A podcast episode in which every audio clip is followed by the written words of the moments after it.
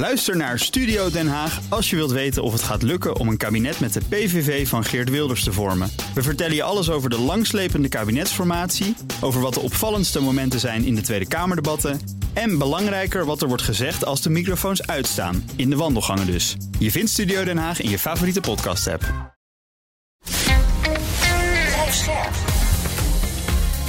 BNR Nieuwsradio. Boekenstein en de Wijk. Hugo Reitsma. Welkom bij Boekenstein en de Wijk. Het is woensdag, dag 518 van de oorlog in Oekraïne. En bij ons is HCSS defensiespecialist Patrick Bolder en die kent de situatie op de grond. Ja, nou ja na dagen van weinig verandering ehm, eh, eh, lijkt het erop dat Oekraïne wel iets meer terrein weet te winnen. Met name in het zuiden, maar daar lopen ze wel tegen de mijnenvelden tankversperringen op. Uh, maar vooral ook in Bakhmut. daar lijken ze nu echt wel de Russen behoorlijk verder onder druk te zetten. En de Russen moeten daar steeds verder terugtrekken. Ja, verder langs het hele front wordt er eigenlijk nog steeds hard gevochten. Maar het verlies van Bakhmut, dat zou natuurlijk voor de Oekraïners wel een belangrijke morele overwinning zijn.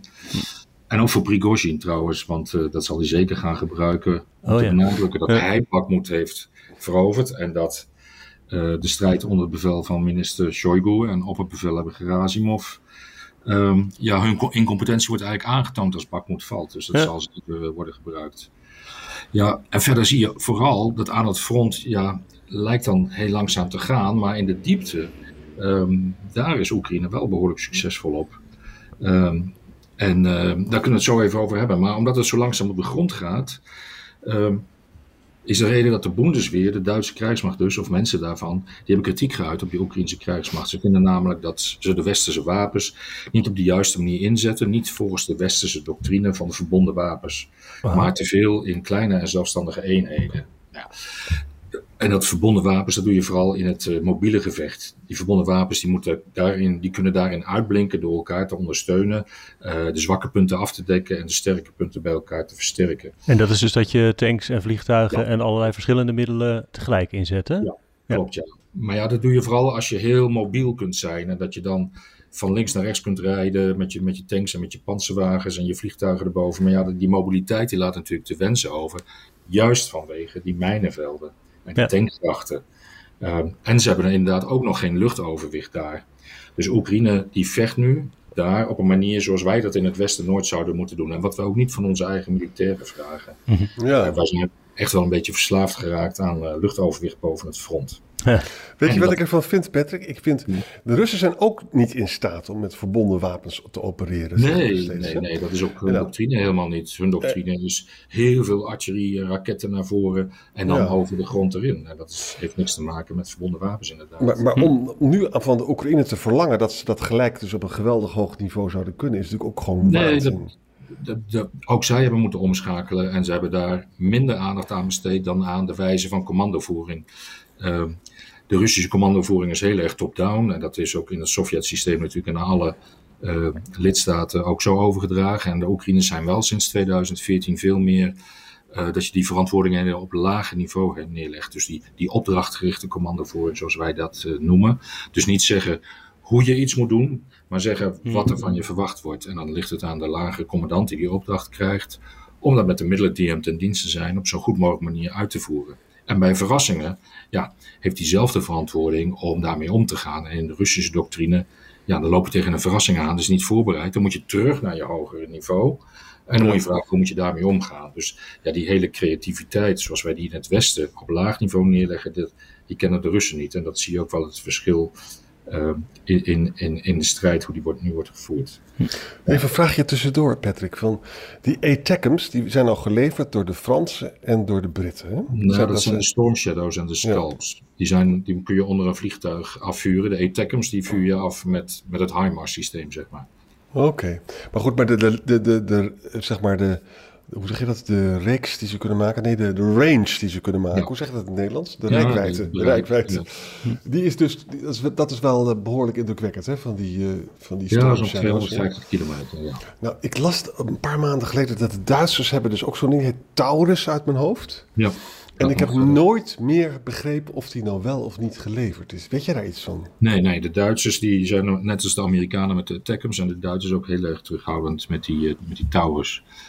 Okay. Ja, toch de angst voor de escalatie, denk ik. Uh, uh, en, en dat doet ons voorzichtig zijn. en je hoort wel steeds meer stemmen op van we moeten Oekraïne nu echt veel meer helpen te winnen. We moeten niet Oekraïne helpen, maar we moeten helpen ze te laten winnen. Hm. Dat soort stemmen hoor je vaker en vaker. Ja. want daar komt het er natuurlijk wel een beetje op neer. En ook die hele discussie over de F-16's.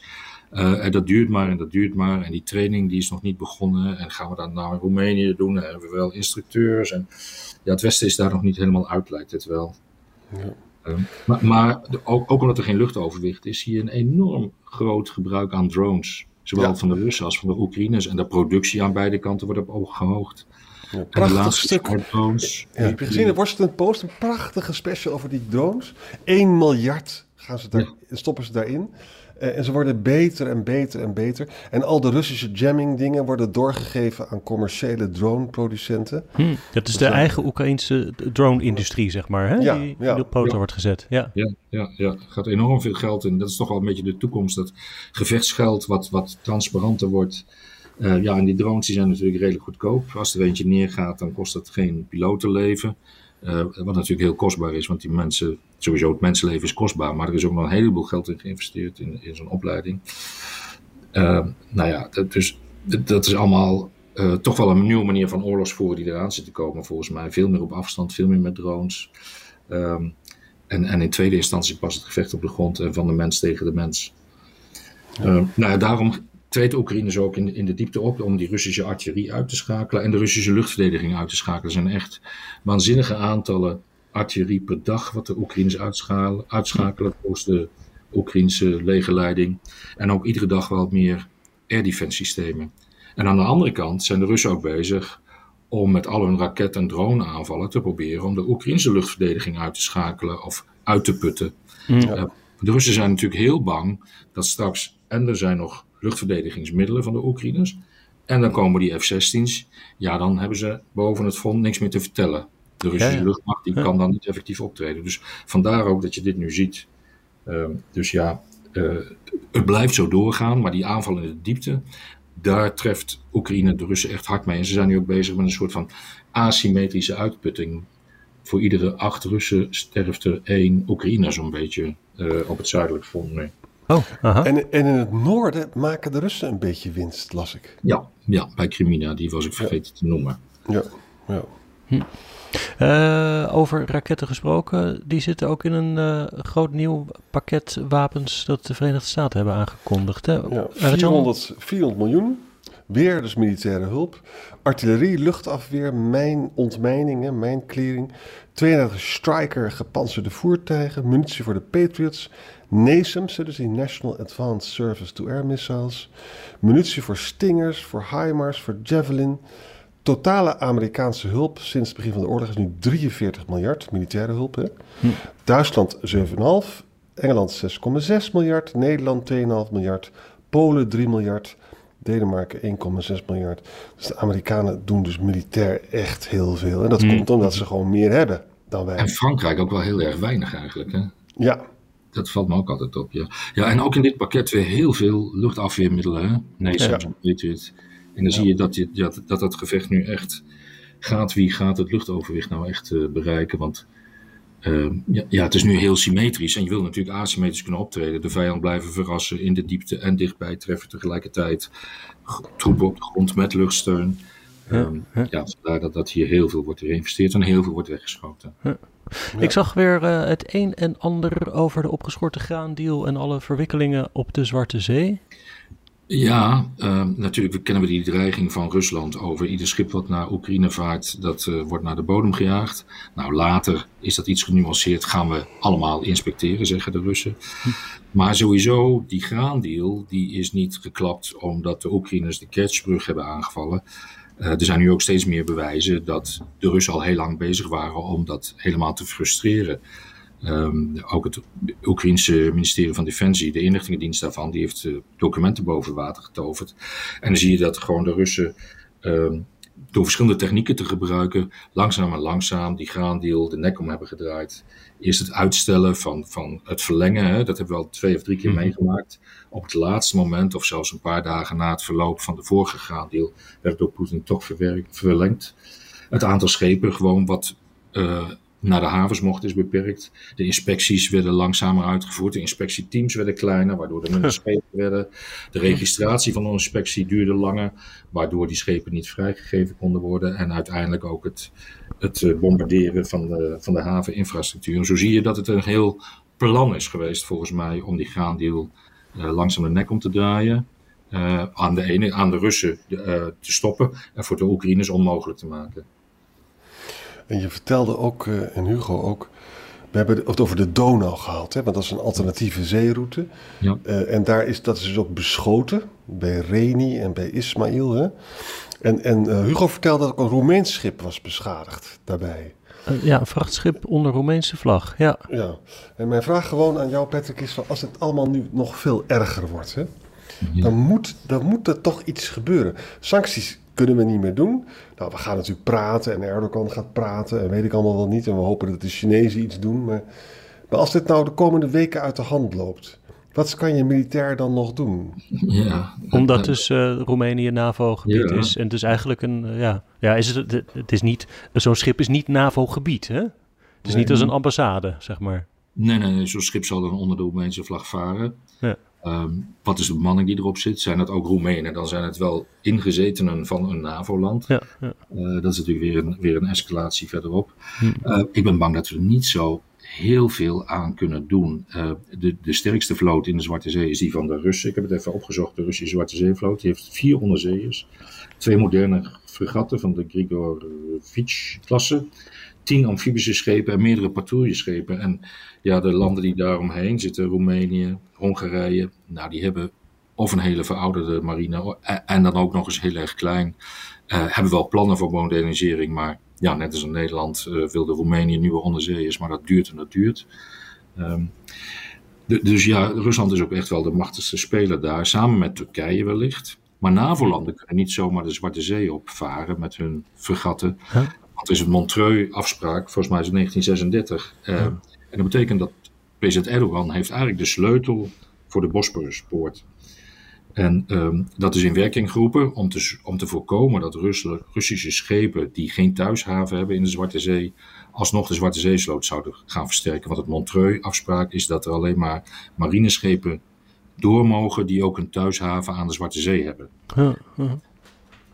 Dus wat ik al zei, hè, Hongarije, Bulgarije hebben geen vloot van betekenis. Dan zou het daar misschien Nederlandse mijnenvoer, mijnenjagers moeten zijn. Of, of Amerikaanse fregatten. Maar ja, die mogen er niet door vanwege die Montreux-afspraak. Ehm, du- dus ja, militair gezien eh, zou alleen Turkije daar wat kunnen. Ik denk niet dat ze, de, eh, dat ze het aandurven om eh, de confrontatie aan te gaan met Rusland. Ehm, maar toch diplomatieke druk, eh, dreigen. Ehm, in hoeverre zijn de Russen daar gevoelig voor? Wat je al zei eerder, Arend Jan, een eh, vliegtuigschip eh, in, de, in het net zuid van de Bosporus neerliggen in de Middellandse Zee. Maar verder, ja, weet ik het eigenlijk ook niet, moet ik zeggen. Ik vind het eerlijk gezegd een afschuwelijke situatie als dus Ja. Russen hiermee doorgaan en wij kunnen daar niks aan doen.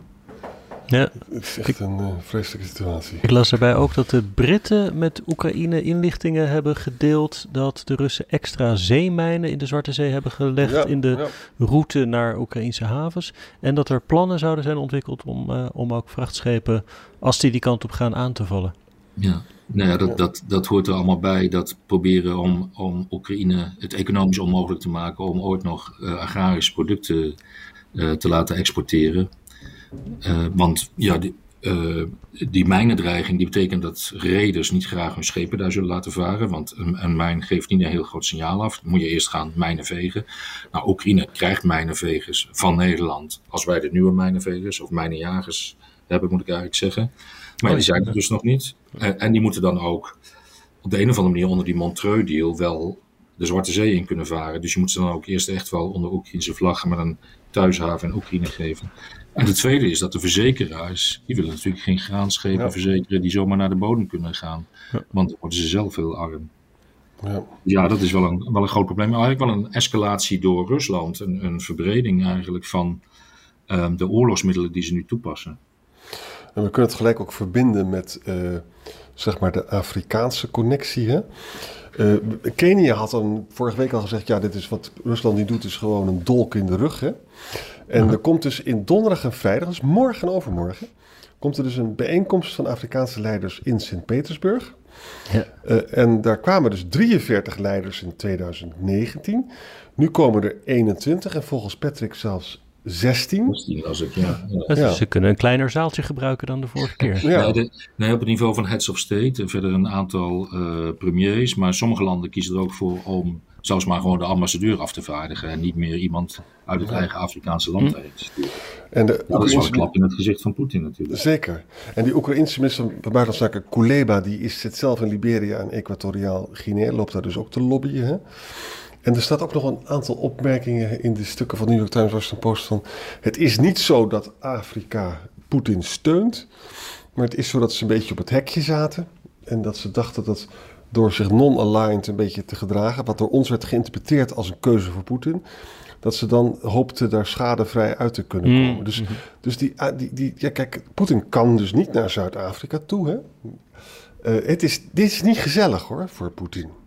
Zou, zou dit ook komen door uh, Poetins eh, opzeggen van de graan die het onmogelijk maken van. Want het was met name uh, grain from Ukraine, wat niet meer uitgevoerd kan worden. En wat wel een onderdeel was van het World Food Program, wat naar Afrika ging. Dus hier krijgt hij dan wel uh, deksel op zijn neus. Ja, exact. Dus, dus ik, voor het eerst dat ik dus iets meer nuance hoor over het Afrikaanse standpunt. En we zien dus nu ook dat hij dat er gewoon minder opkomen dagen. En dat is niet goed voor de... Ja, hm, wat zou dat betekenen voor een volgende VN-stemming? Want een heleboel van die Afrikaanse landen hebben neutraal gestemd uh, bij het veroordelen van Rusland. Ja. De, de Russen die zeggen overigens dat die Afrikaanse landen allemaal onder zware druk zijn gezet van het Westen uh, om niet te komen. En ik zag een leuk citaat van een, uh, nee, een uh, analist van uh, Crisis Group die zegt: uh, Het wordt begrepen dat het niet echt handig is om je nek uit te steken voor Rusland als je ergens in de komende jaren nog hulp of schuld, schuldverlichting nodig hebt. Dus dat is, ja. ja. ja. dat staat er ook, ja. Voorstelbaar. hey, we moeten denk ik nog eventjes meenemen het oprekken van de dienstplicht in Rusland. Ja.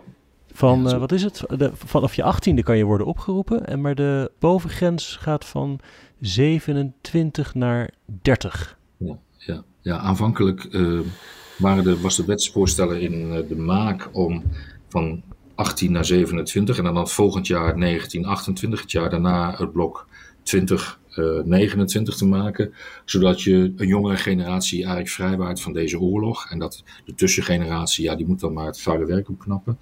Um, maar nu inderdaad, die ondergrens die blijft nu op 18 en de bovengrens gaat naar 30 jaar. Wat betekent dat je cohort aan op te roepen mensen veel groter wordt.